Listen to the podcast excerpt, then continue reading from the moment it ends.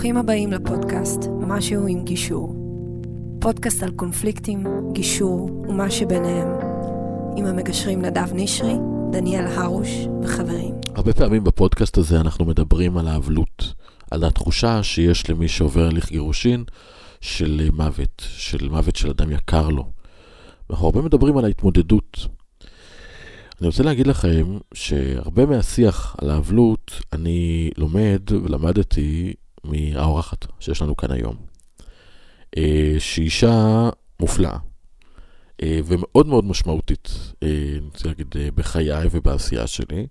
כי כבר הרבה מאוד שנים שאני מתייעץ איתה ומדבר איתה ו- ומשתף ומקבל ממנה המון המון מידע. אז היום אני מאוד שמח וגם קצת מתרגש שהיא הגיעה לכאן.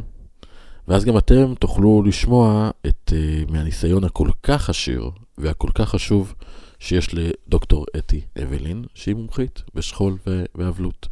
שלום אתי. שלום לך, תודה רבה על ההזמנה למקום הנפלא הזה. תודה רבה, תודה רבה. הרבה כן. מהמקום הזה ומה שאנחנו עושים פה, אני אומר, זה, אה, זה המון בזכותך. כי כל מי שמתעסק בתחום הזה צריך שיהיה לו תמיכה מאוד גדולה, וקהילה שתומכת, וליווי מקצועי, ושיח עמיתים, ו... והרבה מהשיח הזה, כמו שאת יודעת, אני נעזר בך. אז, אז הרבה מכל מה שקורה פה ומכל התהליך הזה, זה, זה אצלך, אז אני אה, בהערכה גדולה ובתודה גדולה על, על כל זה. אה, אבל, ו, ו, ובואי נצלול. כן. בואי בוא נתחיל אה, מלמעלה. Mm-hmm. למה גירושין זה בעצם סוג אבלות. סוג של אבל. כן. אז אני אגיד קודם כל באמת שכשאדם מאבד אדם שהוא מת, אז זה אבל ברור ומוגדר, ויש טקס, ויש אה, אה, לוויה, ויש קבורה. יש דברים מאוד מאוד מסודרים שעוזרים בהתמודדות. בתהליך של גירושים יש בעצם אבלות כפולה. כי מצד אחד יש אובדן של אותו אדם, ונגיד גם שלא הסתדרתי איתו בכלל, ואני גם שונא אותו המון המון המון שנים, וקשה לי, ואני רוצה כבר להיפרד, עדיין זה סוג של אובדן, כי יש פה אובדן כפול. אובדן אחד של האדם שפינטזתי שיהיה, של הנישואים שפינטזתי שיהיו לי, ואובדן שני, זה גם אובדן של היכולת שלי להתאבל, והיכולת שלי אין טקסים, אין זיכרון, אין שום דבר. וגם הסביבה הרבה פעמים מהר מאוד אומרת, יופי, טוב שכבר נפרדת ממנו. אבל אף אחד לא לוקח בחשבון שבאותו יופי שנפרדתי ממנו, מסתתר גם איזושהי אבלות על עצמי.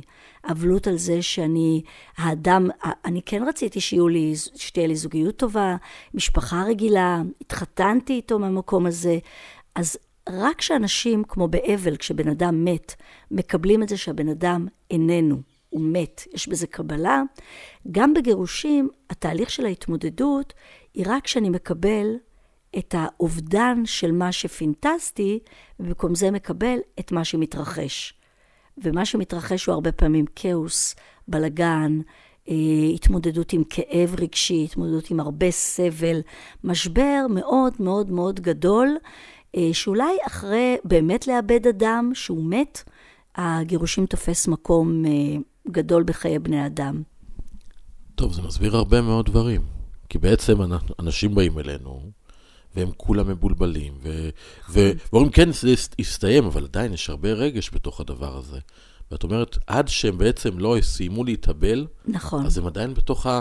נכון. אז אי אפשר להגיד להם, זה נגמר. נכון. בסדר, תעזבו את זה. זה לא... בדיוק, מה שאתה אומר זה ממש ממש נכון, כי בעצם, כשאנשים קורה להם משהו ומישהו מת להם, אז יש את המקוננות, נגיד, ב, ב, כמטאפורה, אבל אלה שצועקות ובוכים וכואבים וקוראים בגד, או עושים משהו שהוא ברמה של טקס. בגירושים, התפיסה החיצונית היא, יופי, לא רצית אותו, הנה הוא גם איננו, נגמר. ואף אחד לא מבין שבפנים יש עוד המון המון המון חיות ורגשות שלא פרקתי אותם. ואם אני לא נותן מקום לפרוק אותם, מי שיקבל אותם מיד זה בתהליך הגישור או בתהליך הגירושים.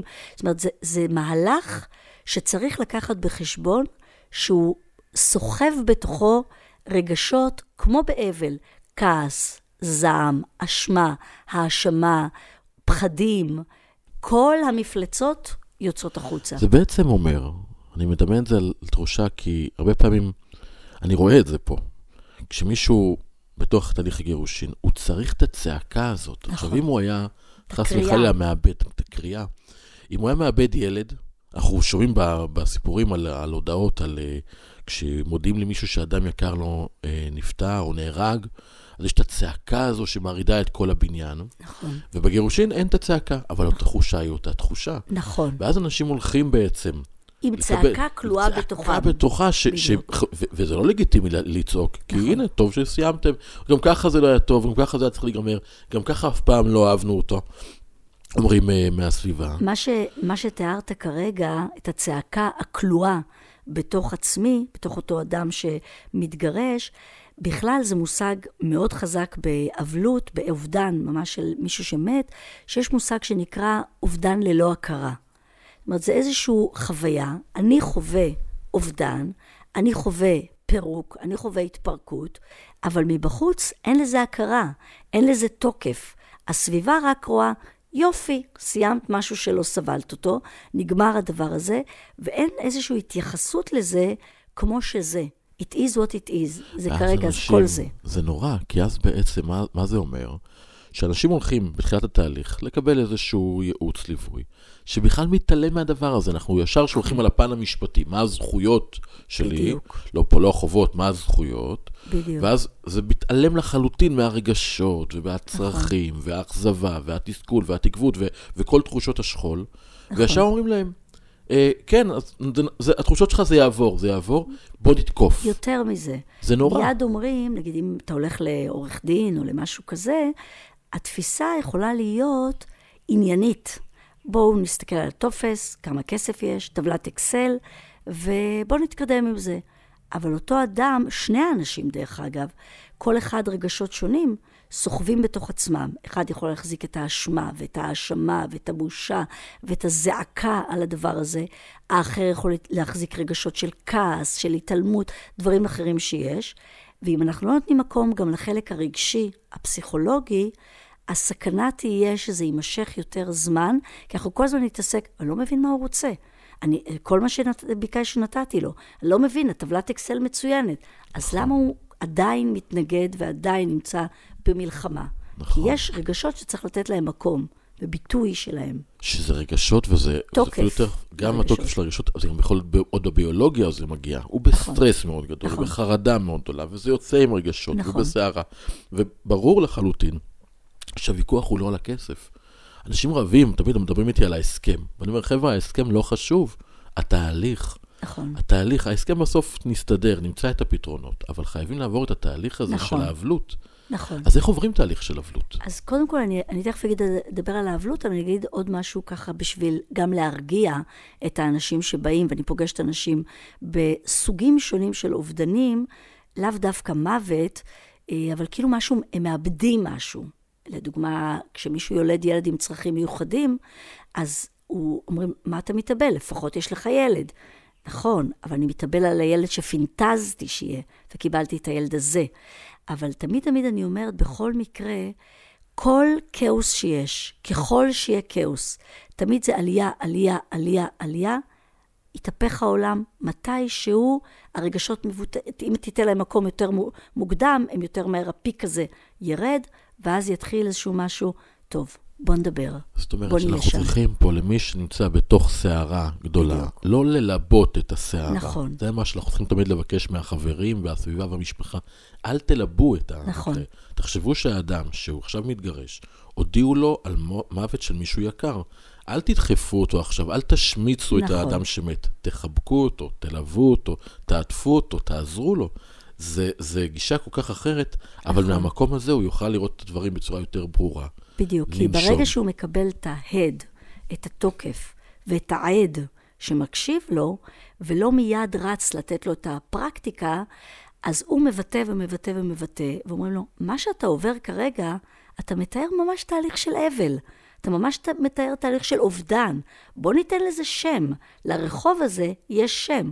קוראים לו גירושים, קוראים לו אובדן. זה מה שאתה מתאר.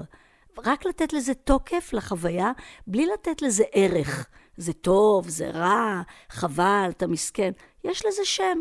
ברגע שאתה נותן למשהו שם, אתה משיים אותו, כבר יש איזשהו שקט. מישהו נורמלי. מגדיר לי את זה. המחשבות כן. האלה הן נורמליות. אני לא... בדיוק. אתה כאילו אומר, גירושין, כן. כן, זה רק טכני, אני רואה את האנשים יוצאים, כן. רוקדים, אני בכלל לא מבין את זה, זה לא כן. העולם שלי. נכון, אתה עובר איזשהו תהליך, את עוברת איזשהו תהליך, והוא לגיטימי. בדיוק. והוא נכון, והוא גם מאוד בריא. בדיוק. וצריך לתת לו את המקום שלו. בדיוק. זה מדהים, איך זה קרה שככה אנחנו התעלמנו מכל המקום הזה? שזה הפך להיות מהבור הזה. כן. זה, זה הרי דבר, זה הדבר. אני אגיד לך למה. כי הרבה פעמים, כמו באבל, אנחנו הרבה פעמים חברה מכחישת רגשות ומכחישת אה, דיבור על כאב. כאילו מיד רוצים לשים את העלים או לשים את המשטח על הבור, ואז אין לזה בעצם מקום לדברים, שנ... לבור הנה, יש פה בור, בוא נתייחס אליו, בוא נראה אותו. ואז אם נתייחס אליו, אנחנו כל הזמן מנסים להזיז אותו הצידה, להזיז אותו הצידה. יופי, יופי שאתה עושה את זה, תמשיך הלאה, תתקדם הלאה. זו התפיסה. כמו שבעבר התנהגו, אם אנחנו מדברים על אבלות, שזה תחום שאני מתעסקת בו, אז כשחברה מאבדת חבר, ואני מטפלת בהרבה חברות שכולות, התגובה הראשונה של הסביבה, בסדר, את לא היית נשואה לו, אז תתקדמי, תמשיכי הלאה. וזו הייתה התפיסה גם בכלל כלפי אלמנות. תמשיכי הלאה. ואם הם התחתנו, אז אומרים, הכל יסתדר, התחתנת, אה, כבר את לא אלמנה, היא תמיד תהיה אלמנה. היא תמיד תהיה זו שאיבדה את הבן זוג שלה, גם אם היא נשואה וגם אם יש לה עוד ילדים, היא חוותה את הדבר הזה שצריך לתת לו את המקום ואת ההכרה. נכון, וזה אירוע שמגדיר אותנו. ואז גם נשאלת השאלה באמת על, ה, על ציר הזמן, איך נתייחס לזה? האם הגירושין mm-hmm. שלי, שזה לא יקרה, זה לא אירוע יומיומי, זה אירוע שקורה פעם אחת בחיים, אולי פעמיים במקרה כן. הקיצון. וכל אירוע כזה הוא אירוע שמגדיר חיים, הוא צומת נכון. שמפה החיים השתנו. נכון. ואי אפשר להתעלם מזה. נכון. אני אשתמש במה שאתה אומר, וזה קריטי. כשאנחנו מדברים על משבר או על אובדן, תמיד אנחנו מדברים שאנחנו מחלקים את החיים עד האירוע ומהאירוע. ולא אנחנו המצאנו את זה, אלא אנחנו רואים את זה בסיפור של אה, יעקב, כשהוא מאבד את בנו יוסף, ואומנם יוסף אחר כך חוזר אליו, עדיין פרעה שואל אותו, אחרי עשרים שנה, כמה היו שני ימי חייך? כי הוא יודע שהוא לא חי ומת, חי ומת, אלא הוא יודע שאירוע משברי, כמו אובדן, הוא לא מת, אבל עדיין זו הייתה טראומה, הוא יחלק את ימי חייו עד החיים עד, עד האובדן של יוסף ואחרי האובדן. וזה לא אומר שהחיים אחרי יהיו קשים יותר או רעים יותר, הם פשוט יהיו אחרים. אבל once אתה נותן לזה איזשהו מקום, שזה אירוע בחייך, שאתה תזכור אותו בעוד הרבה שנים, אבל תראה איך אתה תרצה לזכור אותו. האם היו אנשים סביבך? האם עברת אותו בצורה כזו שמישהו תמך בך? האם, האם אתה בכלל נתת לו, נתת לו תוקף, נתת לו מקום, או שדילגת אותו? ויתרת עליו. אז כל התהליך של טראומה, או אירוע כמו גירושים, שהוא משבר בחיי משפחה, צריך לתת לו את הנוכחות ולהגדיר אותו כמשהו שעד האירוע ומהאירוע, זה לא אומר, מה שחשוב לדעת, שהחיים אחרי יהיו קשים יותר, הם פשוט אחרים. ברגע שנתת לזה את התוקף ולא הגדרת אותו, החיים אחרי יהיו טובים, יהיו מעולים, או החיים אחרי יהיו רעים, נורא, לא נתת, כי מה שאתה תגדיר זה כבר אצלך. אבל זה אירוע שצריך לסמן אותו. אז אני מבין שבאמת להורה זה מאוד ברור, יש לך עכשיו את הצעקה הגדולה הזו, יש פה תהליך של אבלות, אתה צריך לעבור פה את התהליך. נכון. ו- וזה גם ברור שאם לא יהיה כזה תהליך, אז האנרגיה הזאת תישאר ותגדל ותגדל, נכון. ותשפיע גם על כל הסובבים שלך. היא תשפיע על הסובבים, והיא תשפיע... ועל הילדים. על הילדים, והיא תשפיע... כמובן, תכף נדבר על הילדים, שזה נושא בפני עצמו, שהוא הרבה פעמים מוזנח בתוך תהליך הגירושים, אבל היא גם תשפיע עליך ביכולת שלך ליצור קשר חדש. ככל שמערכת הגירושים קשה יותר, הרסנית יותר, היכולת שלך לתת עוד פעם אמון, לבחור עוד פעם בחיים, לבחור עוד פעם בקשר, בזוגיות, אה, מתקלקל. ככל שהגירושים הופכים להיות פשוטים יותר, נכונים יותר, זה קורה. אנשים גם נפרדים, זה חלק ממעג... מהחיים שלנו. אבל ככל שאנחנו נותנים לזה מקום אה, לגיטימי ובסדר, ומטפלים בו ונותנים לו נראות, אז גם היכולת אחר כך לתת שוב פעם אמון בזוגיות, בקשר, אחד, זה משמעותי. עוד דבר שחשוב לי להגיד, הרבה פעמים אני פוגשת זוגות שנפ... שנפרדים, אבל אומרים, לא עשינו את הגירושים, זה לא משנה. אנחנו פשוט לא באותם בתים, כל אחד כבר חי את החיים שלו, עשר שנים, חמש עשרה שנים. האקט של לעשות את, ה, את ההסכם, כמו שאתה קורא לו, או לא משנה, אני לא מדברת על זה מבחינה דתית, הטקס, בדיוק, הוא מאוד מאוד משמעותי. נכון. לעבור איזה משהו, אני רואה את פה, זוגות, יש לנו זוגות שבאים ו... באים הם מאוד מוכנים, מאוד בשלים, שעתיים יושבים עושים הסכם. אנחנו מאוד לא אוהבים את המקרים האלה. נכון. כי אנחנו מאוד אוהבים את ה... אנחנו מצד אחד, אנחנו מאוד מעריכים אנשים שבאים ויש להם את כל ההסכמות, והם ישבו ועשו זה ישלם לזה, זה ישלם לזה, זה מחלקים ככה, זה מחלקים ככה, ואז אנחנו בעצם יושבים שם, ורק עוזרים להם אולי עם הדיוק וה, והניסוחים וה, והלסגור את זה מכל הקצוות. נכון. אבל אין להם תהליך, נכון. ואנחנו אומרים להם את זה. נכון. המטרה היא, אתם צריכים לעשות משהו, גם אם זה סימבולי, גם אם זה ביחד ללכת ולעשות איזשהו טקס שלכם. נכון. אה, טקס פרידה, אבל משהו כדי להוציא את זה, לדבר על זה. זה לא סתם אה, הסכם אה, נכון. אה, טכני, זה הסכם שמשנה חיים. זה האירוע המכונן נכון. בחייכם. ומי שלא עושה, אנחנו רואים כאלה שחוזרים גם שנים אחרי, נכון. שבאים לגישור, וכי לא עשו את, ה, את הפרידה הזאת, לא, לא נפרדו. נכון. אז זה כל הזמן, והמתח הזה, ועם נכון. הילדים שמקבלים דוגמה נוראית. נכון. אז מה עושים במקרים שכאלה? איך, איך אפשר להתמודד עם ה... קודם כל, כשדיברת על המקום, זה נורא מעניין, כי בתחום של גירושים, אה, לא תמיד יושבים במעל, בתהליך, יושב לפעמים עורך דין, יושב לפעמים מגשר, ובאמת כשנמצא מישהו שהוא מטפל במקצוע שלו, אז נגיד לי מיד עלה, כשאמרת על אותו זוג, עושים את ההסכם, באים להסכם, מיד בא לי לשאול אותם, מה שלומך? מה שלומך? מספיק השאלה הזו כדי שהדמעות מיד ירדו, נכון. ותהליך האבל יתרחש. ואז הרבה פעמים אומרים לי, את יודעת? אף אחד לא שאל אותי, אבל מה שלומך? נכון. תעזבי את ההסכם, בוא נשים את זה בצד. מה שלומך? נכון. זה רגע משמעותי. נכון. ויש כאלה... ולתת לזה מקום לכאן ועכשיו. חד משמעית. כ- כ- ברגע שעושים את זה, פתאום גם החמלה יוצאת, גם ההתרגשות יוצאת, וזה משהו נורא נורא נורא חשוב. חד משמעית. אנחנו עושים את זה, ממש כן, שואלים, ובאמת כן. גם חשוב לנו, ובדיוק כן. בדיוק מהסיבות האלה. אבל יש פעמים, וזה קצת מתסכל, אני מודה, שהם כבר באים כל כך... מוכנים. מקו, מוכמנ, מוכנים, ואני אגיד את זה במרכאות, כי הם באו ולהגיד, אנחנו מתגרשים, להתגרש זה אה, זה רכוש, זה מזונות, זה ילדים, זה חלוקה, זה מאוד מאוד טכני. הם כבר באו, הם כבר כך קראו על זה באינטרנט וקיבלו ייעוץ רק משפטי, וכל אחד כבר הלך ועשה את הטיפול אולי כן לא עם עצמו, שזה כבר יותר טוב, נכון. שהם כן עברו איזשהו, איזשהו טיפול. נכון. אבל עדיין ביחד, שכל הישיבה הייתה פרקטית. אבל זה לא פרקטי, כי אדם הוא לא נעלם, לא קנינו עכשיו בית ועכשיו אנחנו נעלמים מהקונה או מהמוכר. אנחנו צריכים עכשיו, יום-יום, להמשיך ולהתנהל. נכון. זאת אומרת שזה פרידה בלי פרידה.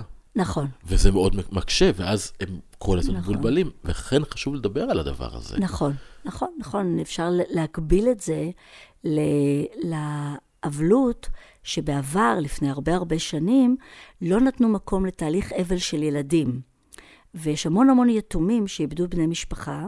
הבוקר אני באה מטיפול כזה, ש...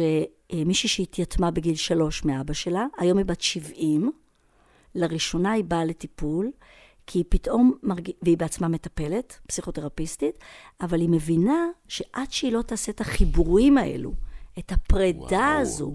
ואחד הדברים שאנחנו באמת עושים, זה שאני אומרת לה לכתוב מכתב שלא יישלח, כי אף אחד לא יקבל אותו, אבל איזשהו מכתב פרידה גם. ופתאום מתחילים להיות איזשהם דברים, אבל משהו מתחיל לקרות, והוא מאוד מאוד משמעותי לחיים שלה. זה כבר קרה כש... כביכול יכולה להגיד, זה כבר קרה בגיל שלוש, אבל זה בדיוק מה שאתה אומר, זו פרידה בלי פרידה. ואנחנו רוצים שיהיה תוקף לפרידה, ויהיה לזה מקום לביטוי החוויות והרגשות. זה כל כך חשוב. את יודעת, אני, אני כן. מסתכל על כל הסיפורי הזוועה שסביבנו, ואומר, זה, זה בדיוק מה שהיה חסר להם.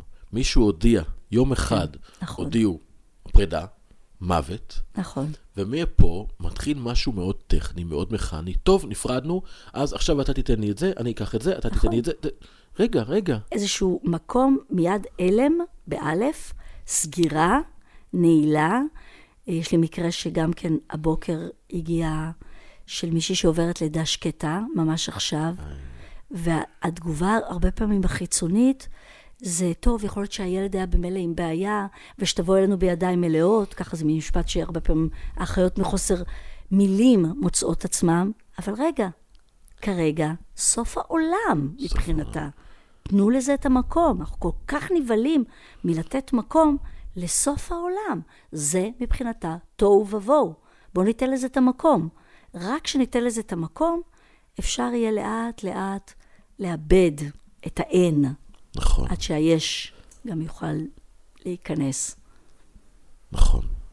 לי לתת לזה את המקום עכשיו, זה... אלה מילים כל כך... אה, נכון. כל כך קשות, כל כך עמוקות, וזה כל כך... כל כך חשוב בתהליכים האלה, שזה בדיוק ה... ה- ואני חושב שברגע שאנשים יבינו את זה, שפרידה וגירושין זה אבלות, וככה צריך להתייחס לזה. אם אתה רואה אדם שעכשיו עבר תאונה קשה, או שהודיעו לו שמישהו נפטר, והוא... תחבקו אותו, נכון. חבק, חבק את עצמך. תני לעצמך את, ה, את המקום הזה, אמ, ל, ל, ל, להיות עם הכאב, לא, לא לזרז אותו. נכון. התגרשנו, יצא, ישר פותחים טינדר ויוצאים ל... לא, לא, חבר'ה, רגע, זה, ת, תצאו ותהיו, זה בסדר. נכון. אבל יש פה תהליך ששניים עוברים. אחת הבעיות זה ששניים עוברים אותו. הבעיה שאחד עבר אותו אה, כבר מוקדם יותר יותר. מוקדם, הוא היוזם, נכון. והשני עכשיו עובר אותו. אבל הבעיה היא שעד אשר שניהם לא יעברו את התהליך נכון. הזה, הם לא יהיו במקום שהם יכולים לשתף פעולה.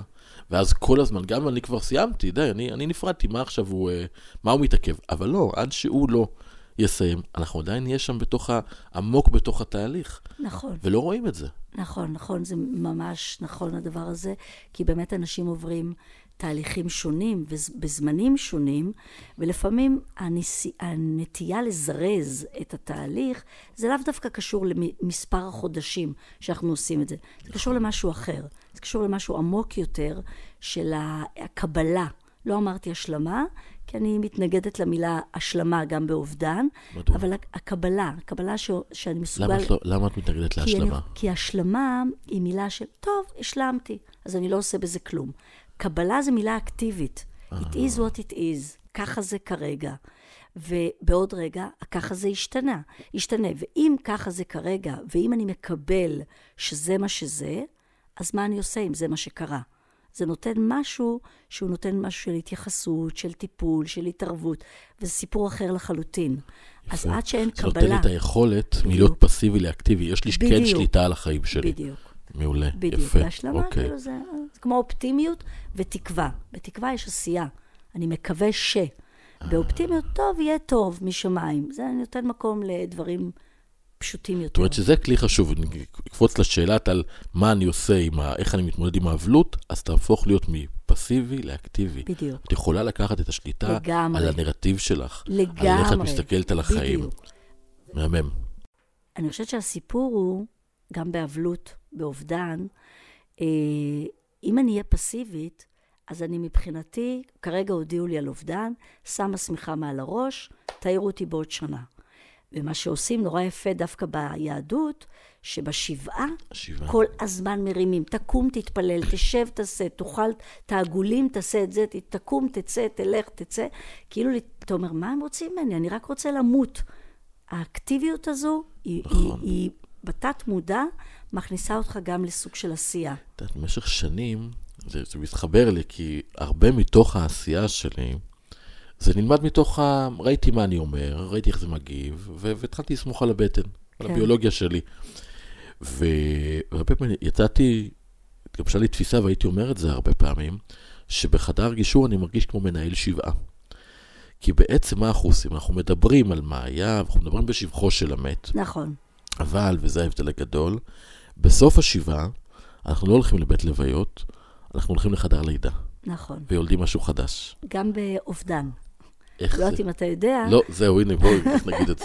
גם באובדן, אני לא יודעת אם אתה יודע, אבל כשנכנסים לבית העלמין, כשקוברים מישהו, אז אומרים, אל תחזור מאותו מקום, תחזור מדרך אחרת. אה, ובמקום הזה של דרך אחרת, זו לידה חדשה. יפה. מה יהיו החיים שלי אם זה מה שקרה? כמה חוכמה יש כן, בדברים האלה, כן. ו- הפשוטים. והיופי, הפשוטים. ה- אנחנו יצאו כן. כל המורכבות שלנו והטכנולוגיה, כן. בסוף, כן. בבסיס בבסיס, וזה דברים שכנראה גם באמת הביאו לנו לפני אלפי שנים. נכון. זה, אנחנו צריכים במקום של אבלות ושכול את הטקס. נכון. ואת המשמעות, ואת הפרידה הנכונה. ויצא שדווקא העולם, האדם המודרני, פוסט-פוסט אה, מודרני פוסט בכלל פוסט, מתעלם. מתעלם לחלוטין מהמקום נכון. הזה. ואז אנחנו רואים את כל הקטסטרופות, נכון. ופגיעה באחד בשני, אנשים שזורקים, הסכומים עכשיו זה גם 200 ו-300 אלף שקל, אני שומע על, על, על, על עורכי דין כל צד וכינוס נכסים. על מה? רק אתם צריכים להיפרד. כן. מה, לא תשקיעו? אתם תשקיעו 200 אלף שקל בלריב עם ההורה של הילדים, במקום להשקיע 20 שקלים בלעשות איזשהו טקס של פרידה? נכון. או, ב, או בטיפול? נכון. או ב, זה, זה נכון, אנחנו מטשטשים משהו כל כך לא בריא קורה פה. תהליכים, מטשטשים את המקום הזה של הצורך בהפרדות, בשינויים, במעברים, ואז אנחנו בעצם, אני חושבת שיש מקום מאוד מאוד חשוב לתת לזה, כמו שכשמתחתנים, עושים טקס, עושים תהליך, אז גם בפרידה, זה חלק מהחיים. צריך לעשות את זה בצורה כזו ולא לבטל את הדבר הזה, וזה מתבטל. עכשיו, אני לא אומרת, אני פוגשת זוגות בזמן משבר, אז הדם עולה לשמיים והזעם והכול. תפקידי במקומות האלו הוא להחזיק בעצם את כל המעגל. ואם דיברת קודם על, גם על ילדים, אז ילדים חווים את הגירושים ילדים לא חווים גירושים כדבר, כאסון. ילדים חווים תהליך של גירושים, אם התהליך הוא מדמם והתהליך הוא הרסני, mm. והתהליך הוא הכפשה מאוד גדולה, אז הם חווים את זה כאיזשהו טראומה. כל עוד הורים מתגרשים, והם גם מקבלים לזה הסבר, נכון, ההורים פעם מאוד אהבו, הם עדיין אוהבים אתכם, הם ממשיכים להיות ההורים שלכם, אנחנו רק מפסיקים להיות זוג, ואנחנו ממשיכים להיות ההורים שלכם, ואנחנו ממשיכים לאהוב אתכם, גם אבא וגם אני. אבל, ואז הילדים אומרים, אוקיי, יום אחרי הולכים לחברים, הכל רגיל. נכון. בתהליך שהנזק הוא מאוד גדול, באלימות בתוך הגירושים, בדימום בתוך הגירושים, אז אנחנו נראה את הנזקים אצל הילדים. אז הם לא ידברו על הגירושים שהוא, שהוא מזיק, כמו על המקום הזה, עוד פעם צעקות, עוד פעם מריבות, עוד פעם אנחנו לא יודעים מה יהיה בתוך הבית, כן יהיה, לא יהיה, מי נגד מי, ואנחנו צריכים, נכון. אנחנו צריכים להיות השופטים, מי צודק ומי לא צודק. זה פה, הנזק. זה נזק, צריכים להגיד על הנזק הזה, הוא לא רק כשהם ילדים, כי עכשיו הם ילדים, אבל עכשיו הם הופכים אותם מבוגרים שהם יהיו. וכשילדים כן. רואים דבר כזה, זה משפיע במלחמות הגדולות, זה משפיע על, ה, על הבגרות שלהם, נכון. על היחסים שלהם, נכון. על היכולת שלהם להתמודד. כי אם ילד עכשיו רואה את ההורים שלו מדממים בתהליך גירושין, ומחבר פרידה, גירושין, למלחמה עקובה מדם שפוגעת מילדיו, מה יקרה אם בן הזוג שלו בעתיד ירצה להיפרד? איך הוא יראה את זה? איך הוא יגיב לזה הרי? נכון. זה, נכון. זה, זה, זה, זה איום ונורא, ואנחנו יודעים שיש קטסטרופות שקורות נכון. מתוך, מתוך הדבר הזה. לגמרי. וכאן ההורים שדואגים לילדים שלהם. כן. זה, נגיד את זה, בוא, בוא, בוא לא נגיד את זה ברמיזה, צריך כן. להגיד את זה פשוט, צריך להיות כמו, אה, כמו במשפט שלמה. כן. כמו האמא הביולוגית שאומרת, אני אוותר על הילד שלי כדי שיחיה. כן. להיכנס למאבק המשפטי, זה להוריד את הסכין בתוך הילד, כן. זה נורא. נכון. ומי שהולך אחורה, ומוותר, אני אומר במרכאות, על הילד, מרוויח אותו. וזה כן. מה שקרה שם, וזה, וזה פשוט ככה. כן. מי שהולך אחורה ומנהל את התהליך הזה בהידברות, בנועם, גם כשההורה השני תוקף, אבל הוא מבין... בסוף ש... הוא ירגע. בדיוק. גם אם הוא תוקף, ואני מכיל את זה, בדיוק. ואני יודע שזה זמני. ובכלל, גירושין זה דבר זמני. נכון. אני יודע בראש, אני מחזיק את התפיסה שזה זמני, לאט לאט, בסופו של... זמני שלפעמים גם כמה חודשים, ותחת התקפות עדיין קשות. עדיין זמני. עדיין זמני. עדיין זמני. אין גירושים שנמשכים לכל החיים. נכון. אין דבר כזה. אז אם אני מבין את זה, ואני אומר, אוקיי, כרגע יש השתוללות. הכי קל זה להיכנס, הכי, הכי טבעי והכי קל נכון. זה להיכנס מהצד השני למלחמה. אבל אם אני אומר שאני בעצם זז הצידה, ואני בעצם מקודד את עצמי מחדש, אז בעצם גם האחר מפסיק לחדור ולחדור ולחדור לתקוף, ופתאום הוא מבין שזה דלת עם קוד אחר. נכון. אז גם הרגשות שלו משתנים. בדיוק. והוא פחות uh, נכנס למתקפה ופחות נכנס לזעם. כשאני משנה את השיח שלי, גם הצד השני כן. בהכרח כן. משנה את השיח שלו. זה לוקח זמן, זו כן. ספינה שקשה לשנות אותה, אבל זה עובד כי זה הליך נכון. אבלות. אם, אם אתה מדבר על זה, אז אני אגיד ככה על איזשהו מושג, שכשאנשים בגירושים או במאבקים, אנחנו מכירים כולנו את הדפוס של fight, flight, freeze.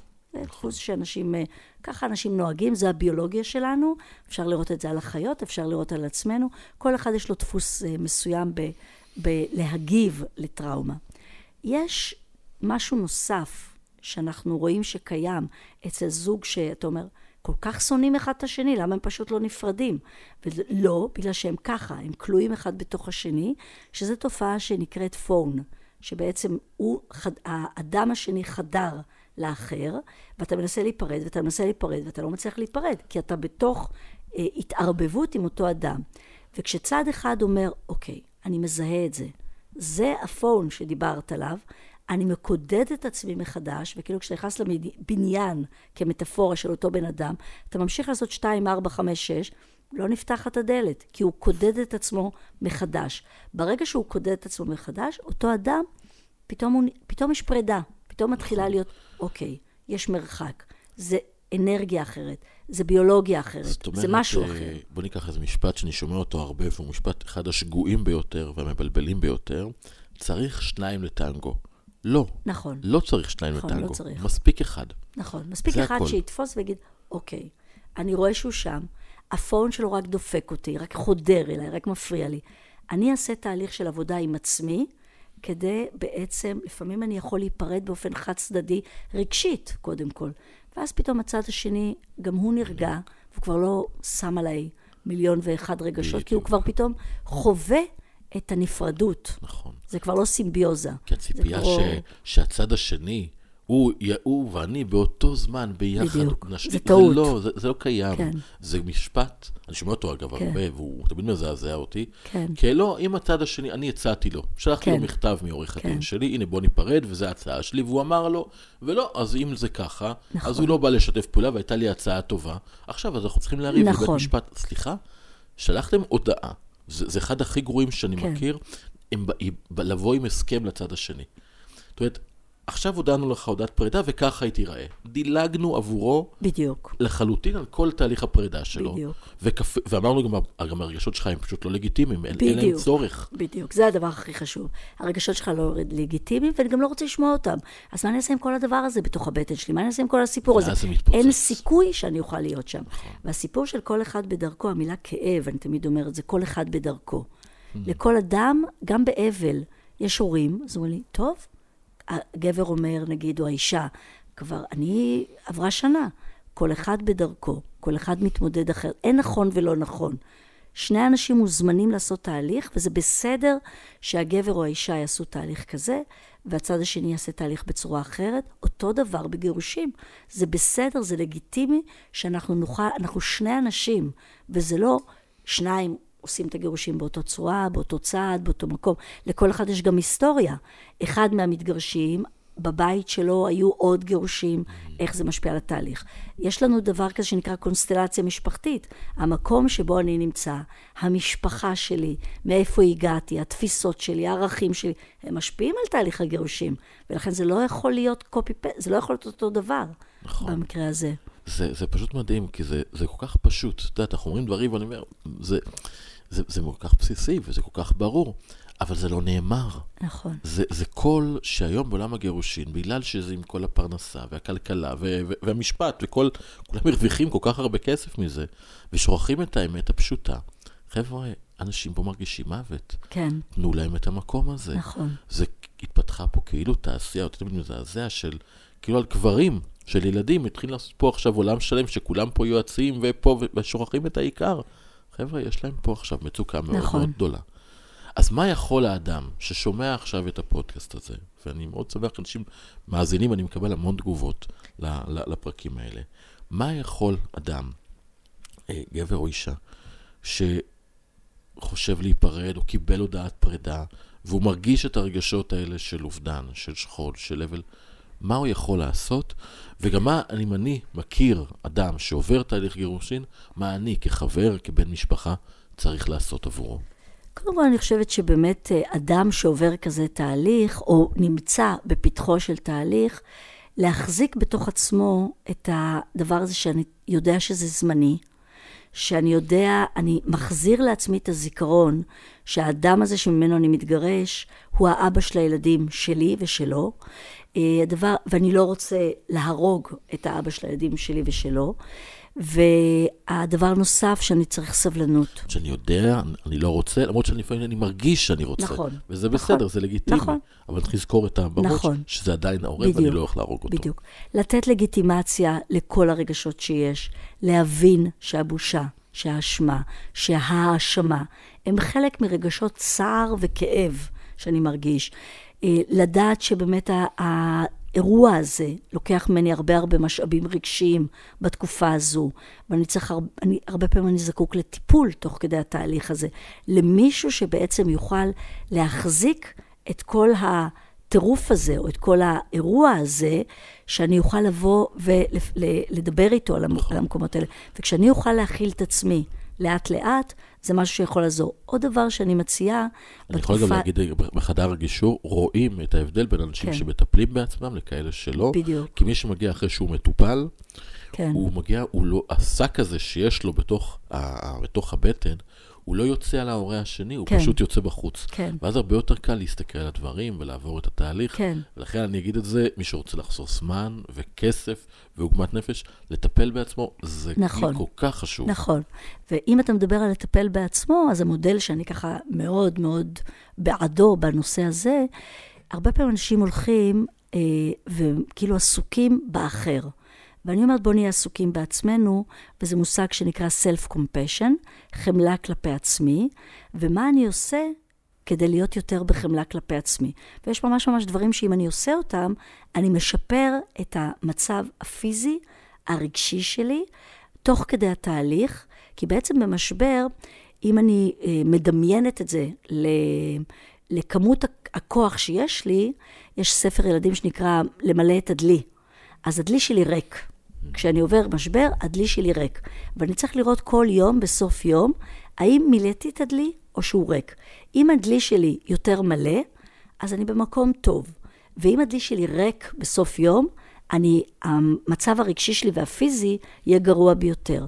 אז הדברים שעוזרים למלא את הדלי, אחד, אני אתן ככה שבעה פרמטרים שאנחנו יודעים שעוזרים בתקופה כזו, ואני ממליצה לעשות אותם.